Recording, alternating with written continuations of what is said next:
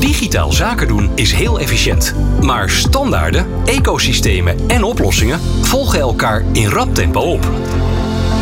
Hoe vind je de weg in deze complexe en snel veranderende digitale wereld? Luister naar de podcastserie van Trade Interop en je bent op de hoogte van alles wat er speelt rondom e-facturatie. Welkom bij de E-facturatie podcast. Fijn dat je luistert naar een nieuwe aflevering van de e-facturatie podcast. De podcast waarin we heel veel informatie met je delen en waarin we je helpen om e-facturatie effectief in te zetten. En iedere keer bespreken we een ander thema, onderwerp en nemen we je mee in de laatste ontwikkelingen. En dat doen we iedere keer ook met verschillende gasten. Het onderwerp eh, van deze podcast is dan ook internationaal e-factureren of e-factureren, oftewel Think Global en Act Local. Ik ben Martine Howard en de gast van vandaag is eh, Dennis Nap teamleader tech uh, centralization bij Citizen M Hotels. En daarnaast is natuurlijk hier ook weer mijn vaste sidekick en co-host aanwezig, Jaap Jan Nienhuis van Trade Interop. Heren, van harte welkom. Fijn dat jullie er weer zijn. Ja, dankjewel. dankjewel. We gaan weer met elkaar in gesprek. Het onderwerp van vandaag is internationaal e-factureren. Um, oftewel, think global, act local. Ja, dat, dat vereist toch wel een beetje uitleg, denk ik, Jaap-Jan. Ja, ja, dat kan ik me voorstellen. Kijk, we hebben tot nu toe hebben we het regelmatig gehad over elektronisch factureren. Uh, en uh, uh, dat het heel fijn is dat er standaarden zijn. En het belang van die standaarden om het eenvoudig te maken. Nou, als je nou internationaal gaat, dan zie je dat er veel minder standaarden zijn. Dus het wordt veel ingewikkelder voor een bedrijf om te voldoen aan de e-facturatie eisen die er zijn in Amerika en Turkije en Afrika en Japan en, noem maar op. Mhm. Eh, want die hebben allemaal verschillende eisen. om een voorbeeld te geven, als je een e-factuur wil sturen in Italië, dan moet dat via een Italiaans systeem. Als je het eh, in Denemarken wil doen, dan is daar weer een net ander systeem voor. Nou, en dat is alleen al in Europa. Hè, er is heel veel geharmoniseerd. Maar je ziet dus dat er een soort natuurlijke kracht is om, nou ja, naar fragmentatie van e-facturatiestandaarden. En je moet heel goed opletten om dat bij elkaar te houden. Nou, daar zijn die standaardisatie um, lichamen, die zijn er heel veel mee bezig natuurlijk. Maar op wereldwijd niveau is dat best nog wel een uitdaging. Dat betekent dat voor een onderneming als Citizen M, die moeten dus compliant zijn in die verschillende landen. Nou, het leek mij leuk en belangrijk om dat uh, topic vandaag ook uh, uh, aan het voetlicht te brengen. Ja, om dat extra uit te lichten. We zijn dan ook extra blij, Dennis, dat jij hier aanwezig bent. Want jullie hebben natuurlijk volop mee te maken als Citizen M. Zeker, zeker. Ja, facturatie is voor ons een groot ding. We zijn natuurlijk sterk aan het groeien. Ja. Um, ja, veel entiteiten, veel facturen. Uh, dus we hebben zeker een, uh, ja, een goede slag nodig qua uh, automatisering, zeg maar, daarin. Ja. En meer kwaliteit te leveren. Ja, een belangrijk iets dus voor jullie. Juist om het ook zo efficiënt en eigenlijk ook wel ja, zo soepel mogelijk te laten verlopen, lijkt mij ook weer zo.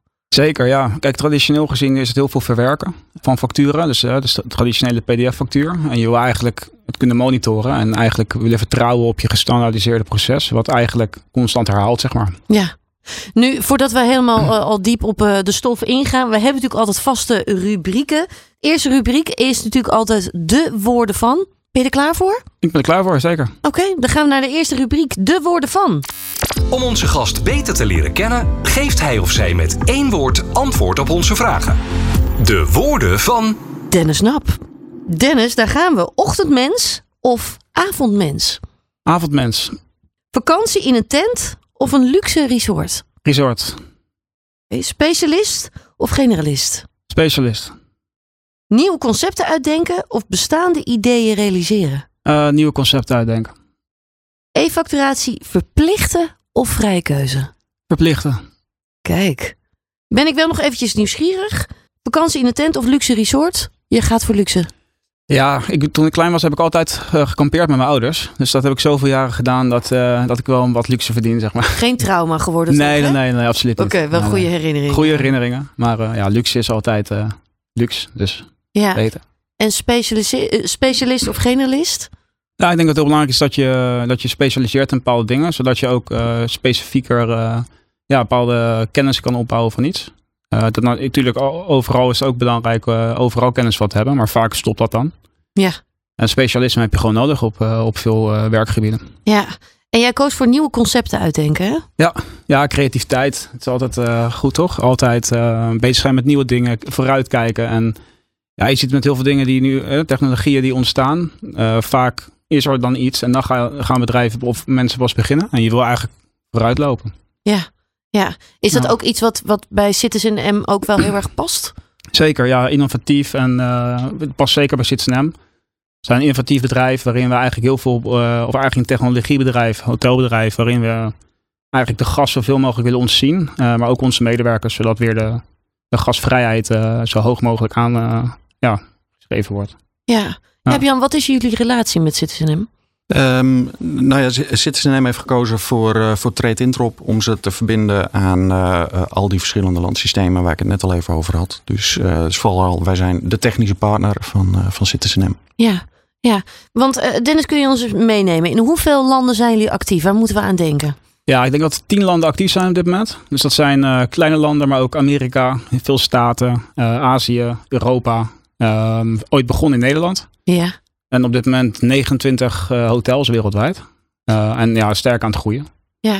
ja. En hoe moeten we dat voor ons zien? Is dat echt in de inkooporganisatie? Is dat centraal? Of is dat juist decentraal? Hoe, hoe werkt dat allemaal bij jullie? Nou, de systemen zelf worden centraal allemaal gesupport. Uh, alleen echt het bestellen, dat, dat vindt overal in de wereld plaats. Maar wel met hetzelfde systeem wat we eigenlijk centraal gebruiken. Dus een hotel in Amerika bestelt zelf. Ja. Maar gebruikt wel het systeem wat we vanuit Nederland uh, ja, supporten eigenlijk. Ja. Oké, dus het bestelproces is ook wel uh, uh, gestandaardiseerd, zeg maar, vanuit... Ja, ja, zoveel mogelijk. Ja, zeker. Ja. inkoop, qua facturatie ook. Hoe moet ik dat dan voor me zien? Hè? Want juist omdat jullie in veel verschillende landen opereren, kan ik me ook zo voor je voorstellen dat je, je hebt daar iedere keer een ander team ook weer zitten. Die werkt ook weer graag op zijn eigen manier. Hoe, hoe, hoe doen jullie dat? Nou ja, het idee is altijd dat uh, uh, vanuit uh, centrale plekken supporten we eigenlijk alle hotels. We hebben ook wat lokale kantoren in bijvoorbeeld New York zitten en in Frankrijk. het belangrijkste is dat we uiteindelijk iemand die in New York werkt, dat hij op dezelfde manier werkt hm. als, in, als in Nederland of als in Azië. En dat is vaak een uitdaging, want je wil dat alles gestandardiseerd is. maar dat, dat, die gedachtegoed hebben we. Dus we proberen echt alles te standaardiseren. Dus niet losse systemen, losse eilanden gewoon één basis. En daar, uh, ja, daar werkt eigenlijk iedereen op dezelfde manier in. Ja.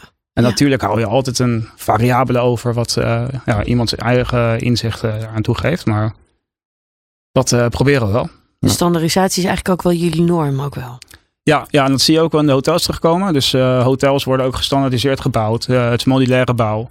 Dus het is heel veel efficiëntie die we proberen te brengen in ja, in het bouwen, maar ook in het operationeel eh, managen van onze hotels. Ja, efficiëntie. Ook wel een stukje duurzamer ook meteen ook weer. Dat ook. Dat is ook uh, ja, hot topic. ESG bijvoorbeeld uh, zijn we druk mee bezig. Uh, dus er zijn heel veel mooie initiatieven. En ja, innovatie, duurzaamheid slaat ook slaat, ja, mooi bij elkaar aan eigenlijk. Ja. ja.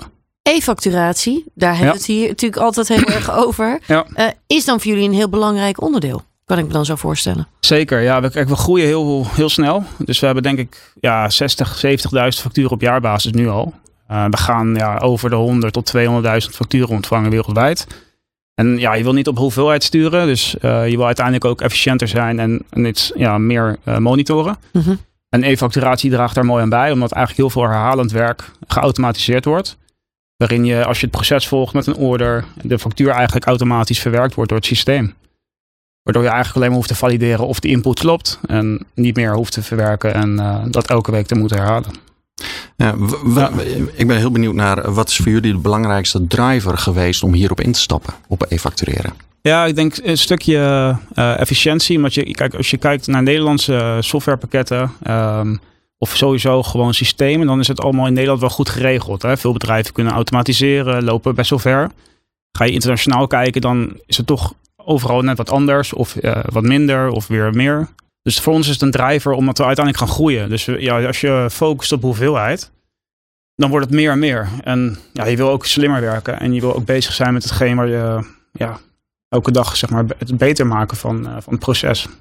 Ja, dat is echt, juist dat beter maken, dat zit het ook wel heel erg in, hè? Ja, een stukje ondernemen is het ook, denk ik. En een stukje, ja, het is, je kan elke dag hetzelfde doen. Maar op een gegeven moment dan word je daar ook ja, daar word je niet veel slimmer van. Of wordt, het proces wordt er niet beter van. Dus je, door juist te automatiseren hou je, hou je heel veel werk en ja, lever je veel tijd terug aan, het, uh, aan de end-user. Ja, ja. Is dat ook iets wat heel erg bij jouw functie ook wel past? Hè? Want jij bent teamleader Tech Centralization bij Citizen M Hotels. Waar, waar ligt dan echt jouw expertise? Hoe moet dat voor me zien? Nou ja, ik denk vooral de, denk aan de alle back-office uh, afdelingen. Dus uh, finance, HR, uh, legal, dat soort, dat soort zaken. En dan alle systemen die daarbinnen worden gebruikt. En hoe dat dan integreert binnen het landschap. en hoe dat zeg maar efficiënt ja, gemanaged kan worden. Dus ook qua, denk aan massadata, centraal beheren of ja, dat soort zaken eigenlijk. Ja. Dat is echt de IT-kant ervan. Ja, en moet je dan ook heel goed opletten steeds dat het. Uh, want ik kan me voorstellen dat je dus na moet denken over welke functies vanuit de hotels, vanuit de landen, kunnen we centraal bedienen en welke niet. Is dat, een, uh, is dat iets waar jullie veel mee bezig zijn?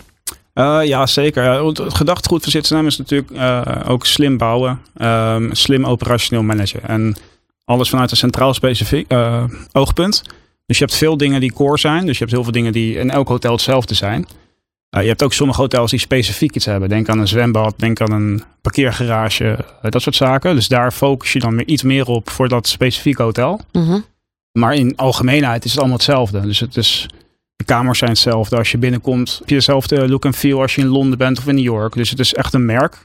En bij een merk is het natuurlijk heel belangrijk dat het heel erg consistent is. En dat je, het maakt niet uit waar je bent, uh, hetzelfde ja, ervaring geeft. Ja, zijn er dan toch nog ook wel weer, want ik kan me ook voorstellen, hè, juist ook van gasten, dat er specifieke vragen komen of wensen komen. En dat kan per land, kan dat ook nog wel weer verschillend zijn. Omdat je gewoon met verschillende culturen maar, eh, te maken hebt, maar ook met oh ja, andere manier van werken wellicht. Ja, dat, natuurlijk, dat heb je altijd. Uh, nu zit Sinem natuurlijk een heel groot internationaal bedrijf. Dus ja. Nederlands wordt er bijna niet gesproken. Dus het is echt uh, alle internationale ja, nationaliteiten hebben wel werken. Dus dat, dat werkt en helpt ook daarin heel erg. En het maakt ook verder niet uit ja, hoe, je nou, waar je, hoe je eruit ziet of waar je vandaan komt. Het gaat erom dat je, hoe je als mens bent. En uh, uiteindelijk komt dat mooi samen in hetgeen wat je samen wil bereiken. Ja, maar die standaardisatie is dus voor jullie heel erg belangrijk. Juist dus ook op uh, e-facturatiegebied. Zeker, ja. Uh, als we dan kijken, hoe autonoom zijn de hotels juist qua inkoop- en facturatieproces? Hoe moeten we dat zien? Uh, nou, het inkoopproces is meer autonoom, dus dat ligt echt bij het hotel zelf. Uh, er worden ook heel veel kosten ingekocht centraal. Uh, dus dan denk aan, aan housekeeping bijvoorbeeld. Hm. maar de meeste orders, dat soort zaken, ligt echt bij het hotel. Maar ga je echt naar het verwerken van de, van de factuur, dan kom je weer bij het centrale terecht. Dus klassiek, een hotel heeft een, bijvoorbeeld een hotelmanager, heeft een aparte finance afdeling. Dat hebben we eigenlijk allemaal niet. Dat zit allemaal op het hoofdkantoor. En in de hotels hebben we eigenlijk alleen maar ambassadors die uh, ja, dag en nacht met de gast bezig zijn. En niet hoeven na te denken over alle dingen zeg maar, die, uh, die hun ja, ervaring kunnen stoppen daarin. Ja, wat dat betreft zijn jullie wel een heel mooi voorbeeld. Ook wel wat heel goed past bij de manier waarop jullie ook weer werken, Jaap-Jan. Ja. ja, inderdaad. Dus, dus hier zie je inderdaad dat je uh, enerzijds zoveel mogelijk wil standaardiseren. Nou, dat is iets wat wij, wat wij enorm proberen te stimuleren. Ja. Um, uh, maar zit een MG wel een mooi voorbeeld van hoe je toch uh, uh, lokaal heel krachtig kunt zijn. En dat maakt het natuurlijk dat maakt het heel interessant, heel leuk. Ja, ja. juist die combinatie, dat, dat maakt het wel weer ook heel erg goed. Ja, ja. mooi om dat te zien. Ja, zeker. wat, wat ik ook wel, waar ik wel benieuwd naar ben, is um, uh, wat is voor jullie, je hebt natuurlijk, uh, je, je, praat over het ontvangen van facturen, maar ook over het verzenden van facturen. Wat is voor jullie het zwaartepunt? Is dat, zijn er twee gelijke trajecten? Hoe kijk je daar tegenaan? Uh, nou ja, het is denk ik hetzelfde traject. Omdat we wat we versturen is natuurlijk ook voornamelijk binnen het bedrijf zelf. Dus we sturen eigenlijk niet heel veel externe facturen of documenten. We hebben veel bedrijven. Zitten heeft natuurlijk naast de hotels ook een, een vastgoedkant. Dus we beheren ook de meeste hotels. We zijn eigenaar van de, van de grond, van het gebouw. Dus daarin heb je natuurlijk ook heel veel ja, intercompany verkeer. Wat eigenlijk op en neer gaat. Mhm. Uh, dus dat is de focus voor de verkoopkant. En de inkoopkant is natuurlijk voornamelijk uh, extern. Ja. En als je dan bijvoorbeeld kijkt naar, uh, ik noemde al even een voorbeeld van Italië. Ja. Als je daar een factuur wil sturen naar een intercompany factuur wil sturen, dan loop je toch tegen heel veel complexiteit aan. Um, kun je daar iets over vertellen? Ja, in Italië heb je natuurlijk de plicht om het via het uh, SDI te laten lopen. Dat is eigenlijk de Belastingdienst in Italië, die alles uh, centraal laat binnenkomen en vanuit daaruit zeg maar uh, verspreid over ja, bedrijven of klanten of leveranciers. -hmm. Dus ja, je hebt heel veel ja, verplichte velden, ook binnen het boekhoudpakket, wat net wat anders is dan andere partijen. Dus velden die verplicht zijn, documentnummering bijvoorbeeld moet vaste structuur hebben. Dus ook qua integreren is het best wel lastig als je weer andere systemen gebruikt, met een ander documentnummer bijvoorbeeld. Dus ja, daar loop je tegenaan. Uh, en dat wil je eigenlijk efficiënter maken door inderdaad gewoon één manier uh, van werken. Die ook weer ja, op een bepaalde hybride manier aansluit op je centrale systemen. Ja. Ja, waar ik nog wel even benieuwd naar ben, is: um, werken jullie veel met lokale leveranciers of uh, worden centrale leveranciers geselecteerd? Uh, nou ja, het ligt er een beetje aan. Kijk, bij de hotels werken we heel veel met lokale leveranciers. Dus echt uh, in de stad zelf of in de staat. Waarin we, dus denk aan eten, drinken wat we inkopen. En op het ja, support office is het natuurlijk veel centraler. maar vooral de, ja, de, het eten, drinken is ja, kleine, kleine leveranciers. Ja. Ja, precies. En dat is wel, dat is wel interessant, hè? want dat zie je dus dat jullie veel leveranciers hebben, uh, lokale leveranciers, vaak wat kleinere leveranciers. Um, en die moet je dan wel weten te onboorden. Um, in tegenstelling tot organisaties die zeggen wij centraliseren zoveel mogelijk. En we werken met één grote leverancier die heel veel facturen hebben. En dan hoeven we alleen maar die ene leverancier te onboorden. Maar dan gaat wel dat, dat act local gaat dan wel verloren, zeg maar. Dus dat vind ik nog wel een, een interessant punt in, uh, in hoe jullie dat aanpakken. Ja, zeker. Ja, het is niet alleen het eten en drinken. We zien het ook in, in de kunst en de hotels. We werken heel veel met lokale kunstenaars. We werken met lokale artiesten. In Amerika, Azië, overal eigenlijk. Dus het is heel erg gefocust op, op de plek waar je bent. En waar jij eigenlijk het hotel ja, runt eigenlijk. Dus dat, de gemeenschap is belangrijk daarin ook. Ja, want hoe pak je dat aan? Hè? Want ieder land heeft inderdaad, wat we eigenlijk al aan het begin al zeiden, heeft zo zijn eigen regels, zijn eigen nou ja, manieren om dat goed te verwerken. Hoe doe je dat? Nou ja, kijk, we hebben natuurlijk elke keer als we ja, een hotel of een acquisitie doen, dan uh, dat, dat is eigenlijk de eerste stap. Ja. En zodra we dan echt een, een deal hebben staan, uh, dan gaat het hotel gebouwd worden of het wordt omgevormd tot een hotel. Uh, en daarin heb je natuurlijk een heel pre-opening team. Dus dat is van operatie tot, tot het kiezen van je leveranciers, tot de stoelen, tot noem het maar op. maar ook alle licenties, entiteiten aanmaken dat soort zaken. Dus dat is eigenlijk gewoon een heel team wat eigenlijk samenwerkt met alle ja, taken die daarin moet voldoen. En dus ook kijken welke ja, compliance is er per land, welke vereisten. Dat is eigenlijk gewoon een grote checklist die, ja, die je eigenlijk in een aantal maanden ja, moet voltooien eigenlijk. Ja. Ja. ja. Dus zeker als je in een nieuw land weer opereert, dan is dat misschien ook altijd weer eventjes ook goed onderzoek doen van wat is hier dan weer belangrijk. Zeker. Nieuwe landen zijn altijd een uitdaging. Vooral landen, Zuid-Europa is vooral best wel een uitdaging. Uh, dus daar ja, kost veel tijd, maar dat, daar leer je ook weer veel van. En ook uh, daarna is het ook gewoon eigenlijk kopiëren van wat je al eerder hebt gedaan. Ja. Binnen dezelfde stad of land. Of. Ja, dat is dan wel weer het voordeel dat jullie op zoveel plekken zitten wat dat betreft. Dat je op een gegeven moment weet je wat er nodig is. Ja, ja zeker. Dus dan, dan kan je makkelijker ja, heb je minder werk aan eigenlijk. Ja. Ja, ja. ja en wat denk ik ook wel meespeelt is dat uh, je ziet toch wel, ik had het in het begin over die fragmentatie, maar tegelijkertijd zie je toch wel dat de landen uh, internationaal toch wel een beetje naar elkaar aan het kijken zijn van hoe doen zij dat nou? Ja. Dus als je bijvoorbeeld, jij noemde het voorbeeld van Italië. Nou, dat model wat ze in Italië hebben, dat hebben ze bijvoorbeeld in Zuid-Afrika ook veel. Dus als je eenmaal een beetje weet van wat zijn nou de verschillende uh, trucjes in die verschillende landen, Um, ja, dan moet je weten wat zijn de, uh, uh, de juridische vereisten. De B2-vereisten. Um, ehm, en volgens wat zijn de technische vereisten die erbij komen kijken. Um, en daar zitten wel wat variaties in. Maar volgens mij heb je dat trucje dan ook al vrij snel door. Als je daar dagelijks mee bezig bent. Ja, ja. Ja, en wat dat betreft zit daar natuurlijk veel training in. Omdat jullie dat keer op keer eigenlijk ook weer doen. Ja, het, het, vaak zie je dat vaste, de vaste dingen, dus echt de connectie en zo, dat, dat zijn vaak wel herhalende dingen. En vaak meer de variabele kant is meer uh, de velden, het formaat, uh, echt specifieke landgerichte zaken. Ja. Maar ja, het integreren is vaak wel, ja, komt vaak wel overeen. Ja, als we het hebben over integratie, hè, uh, jullie zijn ooit gestart met e-facturatie. Ja. Daar komt natuurlijk altijd veel bij kijken. Kun je ons, ons eens meenemen in dat proces? En misschien ook wel vertellen, waar, waar, waar liepen jullie dan toen tegenaan?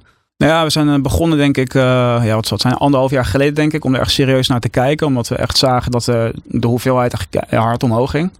En dat, ja, je wil uiteindelijk slimmer werken. Dus je wil niet alleen maar ja, boeken, boeken. Dus dan zijn we eigenlijk gaan kijken van wat zijn de mogelijkheden. En vooral ook vanuit het gestandardiseerde oogpunt van hoe kan je iets ergens op aansluiten op een hele makkelijke manier. Zonder custom integraties, ja, maatwerk zeg maar. Ja. Dus toen kwamen we eigenlijk al heel snel op, uh, nou, op Peppel uit bijvoorbeeld. Dat is natuurlijk in Europa een van de ja, centrale e-invoicing platforms. Uh, waar ook heel veel leveranciers in Nederland uh, op draaien. Daar zijn we eigenlijk mee begonnen als een soort van pilot, proof of concept. om zeg maar Nederland op te zetten. Nou, dan wat je dan vaak ziet is dat het eigenlijk Nederland best wel snel gaat. Heel veel bedrijven kennen het, overheden, maar ook gewoon ja, grote, grote bedrijven waarmee je zaken doet. Ja, men is er al meer mee bekend. Ja, dus dan kan je best wel snel schakelen. En op een gegeven moment dan ga je natuurlijk verder kijken. Want dan is je pilot succesvol en dan wil je eigenlijk alle landen doen. En dan, ja, Peppel is natuurlijk ook een, een licentie of een gateway. Hè, die ook internationaal ondersteund moet worden door software. En vaak zie je dat in Nederland niet alle software ja, de hele wereld covert. Dus ja, daar liepen we tegenaan. Dus dat was een van de uitdagingen van hoe kunnen we nou verder. Want ja, we hebben ook uh, entiteit in Denemarken en in Frankrijk en noem maar op. Ja. Dus uh, toen zijn we verder gaan kijken. Toen kwamen we bij uh, Trade Interop uit. En uh, ja, toen zijn we eigenlijk echt een, een partnership aangegaan en samen gaan werken om te kijken van ja, hoe kunnen we dit gaan uitbreiden. En ja, het, eigenlijk het hele internationale stuk, dat wordt nu daardoor gecoverd. wat je ook ziet is dat heel veel mensen of heel veel bedrijven eigenlijk Peppel niet kennen. En zeggen, ja, wat is Peppel? Geen idee. En dan, ja, we weten wel, of we werken wel met een e-invoicing platform in ons eigen land. Dus dat zie je ook veel, dat er lokale ja, systemen zijn die wel weer naadloos aansluiten op Peppel, maar toch weer specifiek voor het land zijn. Dus dat was de volgende stap. Dus dat we eigenlijk al die lokale e-invoicing platforms aansluiten. En dat kan dan weer ook via TradeIntrop. En vervolgens ja, is de vervolgstap communicatie. Dat is denk ik de grootste uitdaging die we hebben. Om, ja, om, om zeg maar, de bedrijven aan te schrijven, om ze te overtuigen en ook mee te laten gaan in, uh, in de onboarding ervan. Is dat lastig? Ja, het is wel lastig. Als je, kijk, als je iets niet kent, is het altijd lastig, want dan is het al vaak moeilijk. Ja. Um, Mensen houden vaak niet van veranderingen. Dat ook, dat ook. En kijk, uiteindelijk eh, is het vooral het laten inzien van wat zijn nou de voordelen die eruit haalt. En dat, wordt, dat gebeurt denk ik te weinig. Het is te veel, het is te vaag nog. En als je, als, als je ziet, als je het iets meer duidelijk maakt, goede KPI's stelt, dan zie je dat heel veel bedrijven het voordeel ineens van in gaan zien en ook die slag gaan maken. En ja, we doen het niet met, uh, met de bakker om de hoek bewijs van, maar echt met grote hoeveelheden, uh, grote leveranciers. Daar willen we gewoon, uh, gewoon volledig e-invoicing op zetten. Ja, maar qua communicatie is er nog wel winst te boeken als ik het dan zo hoor. Ja, het is vooral denk ik als je eenmaal onboarded bent bij Peppel, dan, dan moet je... Sommige software kan het inderdaad automatisch linken. Dus dan weten ze, oké, mijn voorkeurinstelling is facturen sturen via Peppel. Ja. Maar heel veel uh, bedrijven moet je aanschrijven, moet je vragen om die verandering te maken. Dus ik denk qua software kunnen ze daar nogal een grote uh, slag in slaan. Door juist die automatisering van het ene naar het andere systeem, wat het eigenlijk is.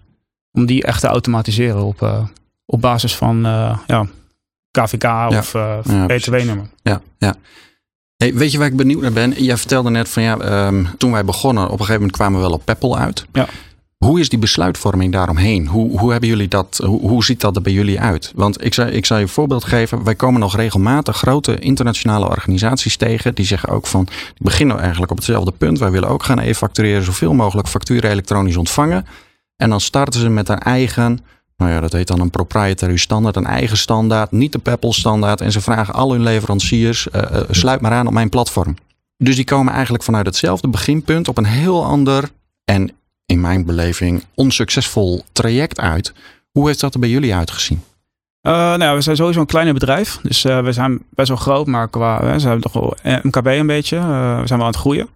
maar wat je ziet is dat binnen CitySnam heb je natuurlijk best wel veel empowerment. Dus je bent eigenlijk een ondernemer binnen je eigen afdeling. Dus je hebt heel veel vrijheid in, in, in dat soort zaken. En wat je ook wil is, is gewoon standaardisatie. En dat wil je niet alleen binnen je eigen bedrijf of binnen je eigen land. Maar dat wil je, ja, als je internationaal opereert, wil je gewoon op een makkelijke manier dat kunnen uitrollen. En maatwerk, ja, dat, dat, daar zijn we helemaal niet van. Dus het is echt allemaal uh, in de cloud, SaaS. Uh, en zo, ja, maatwerk is eigenlijk iets niet wat we willen ondersteunen. Ja, precies. Ja. Ja, het is altijd interessant, hè? Want eh, wat dat betreft heeft ieder bedrijf ook zo zijn eigen cultuur natuurlijk ook wel. En hm. zijn eigen voorkeuren. Ja. Dus het is mooi om te zien dat jullie echt voor die standaardisatie gaan. En daar past dit concept natuurlijk ook wel weer heel erg bij. Ja. Juist ook als we gaan kijken naar de toekomst. En het gaf natuurlijk eigenlijk ook wel bij de woorden van, gaf je dat ook al wel aan, hè? Dus e-facturatie verplichten of vrije keuze. Jij zou echt wel voor, voor verplichten dan ook wel gaan, hè?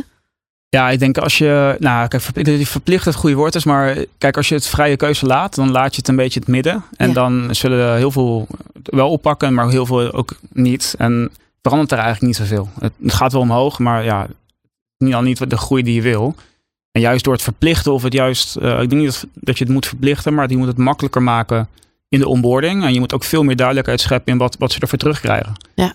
Uh, en dat soort dingen zijn denk ik heel belangrijk om, om er aan bij te dragen dat uiteindelijk die verplichting of die standaard er komt. Ja, en dat dat dus juist heel erg helpt qua efficiëntie en duurzaamheid en alles. Ja. Dat het allemaal zoveel makkelijker ook wordt. We hadden het zojuist natuurlijk eigenlijk al wel over hè, de, hoe jullie dat dan hebben geïmplementeerd. Ik kan me dus inderdaad ook voorstellen dat er altijd ook eventjes in het begin voor sommige mensen en voor sommige werknemers ook eventjes zoeken is.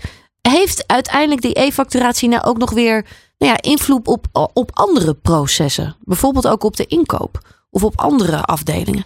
Nou ja, kijk, het factuurproces hangt nauw samen met het inkoopproces. Dus als jij eh, een goede inkoop doet, een goede ontvangst doet, dan is je factuur eigenlijk alleen maar een validatie van wat je daarvoor hebt gedaan.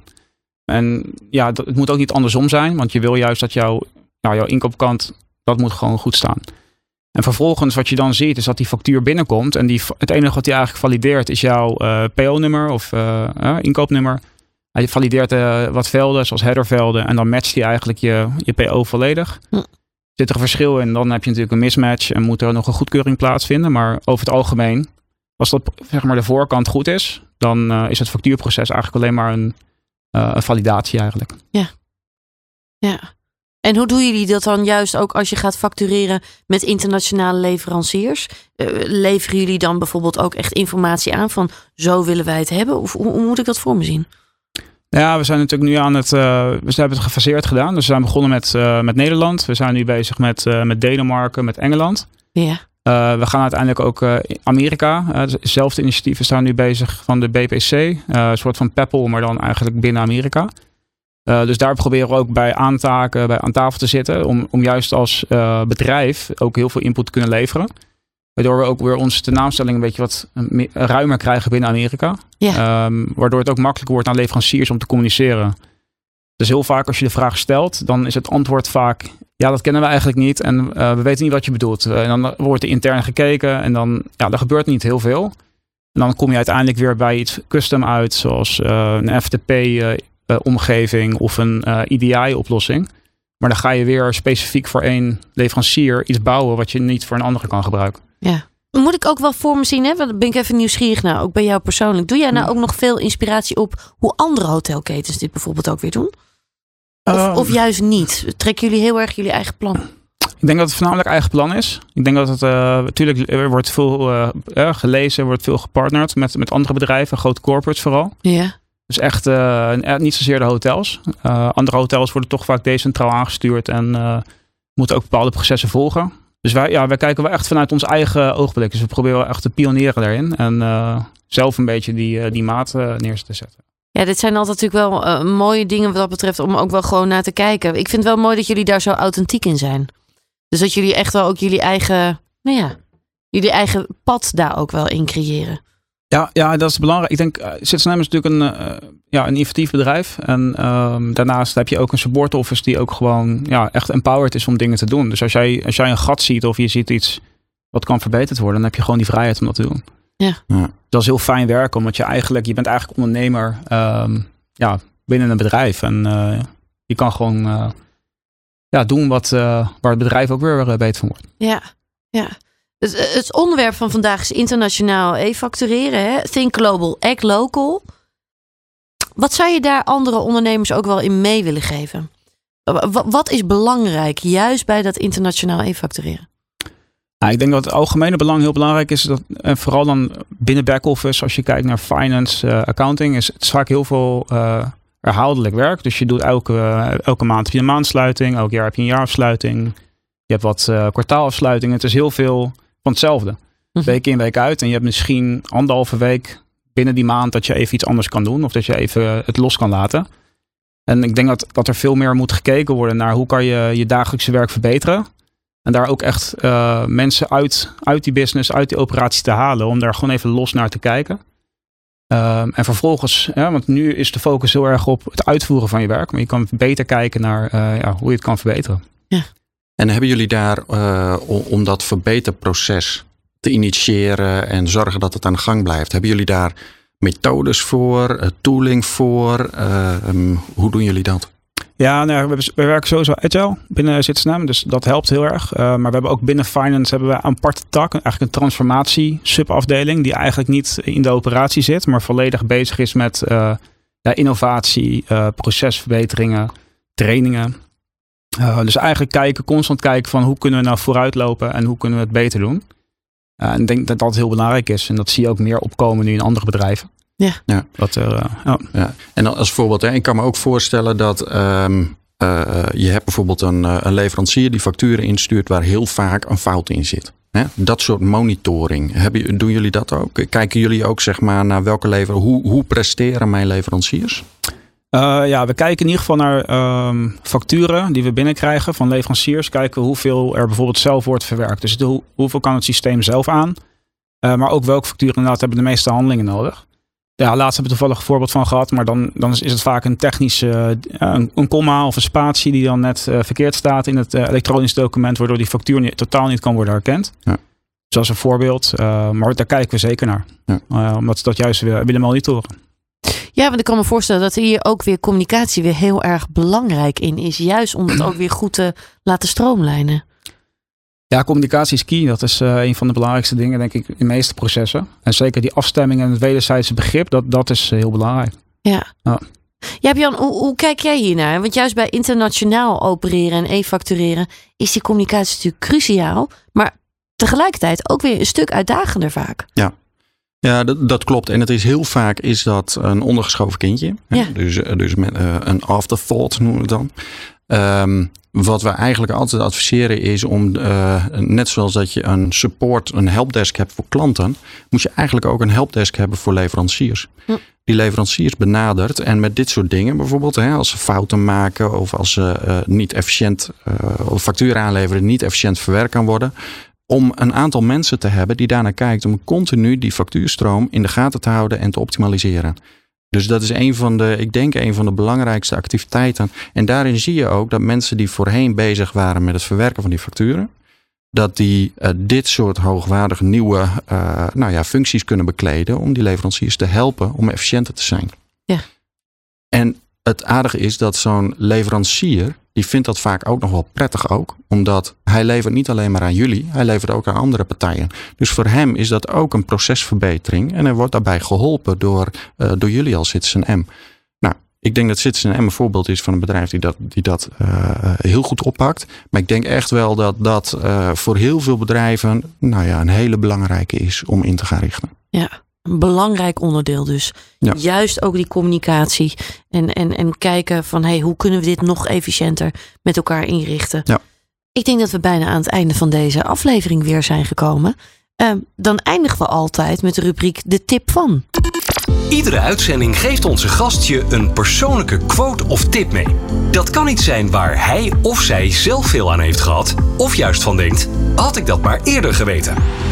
De tip van Dennis Nap. Ja, ik heb hem eigenlijk al gegeven een beetje. Maar uh, ja, ik, ik denk altijd, uh, ben elke dag bezig met het verbeteren van je werk. Uh, dan het uitvoeren van je werk. Stel kritische vragen en ga, ga op pad en pak het aan. En blijf niet stilzitten. Ik denk dat dat een belangrijke tip is. Om, ja. ja, stel kritische vragen. Dat vind ik ook een mooie. Ja, ja dat is belangrijk toch? Ja, en, ja. en wat zou dan een goede kritische vraag zijn? Als je die tip nog mee zou mogen geven? ja, waarom doen we het op deze manier? Waarom doen we het niet anders? Heel simpel, maar. Ja. ja. Ik, nou ja, heel simpel, maar ik denk een van de meest fundamentele vragen die je tig keer per dag zou moeten stellen. Waarom doen we het op deze manier en kunnen we het niet slimmer doen? Ja. ja. ja. Mooie, een mooie vraag om eigenlijk ook wel deze aflevering mee af te sluiten. Dennis ik wil jou heel erg bedanken voor het delen van je kennis. En uh, heel veel succes met al jullie ambities die jullie ook nog weer uh, verder hebben. En ja, Jaap Jan, heel graag tot de volgende keer. Hè?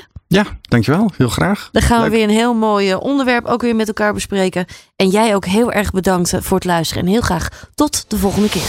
Bedankt voor het luisteren naar de e-facturatie podcast. Waarin we je helpen om e-facturatie effectief in te zetten. Ben je geïnspireerd door deze podcast en wil je meer weten? Kijk dan op tradeintero.com. Tot de volgende keer.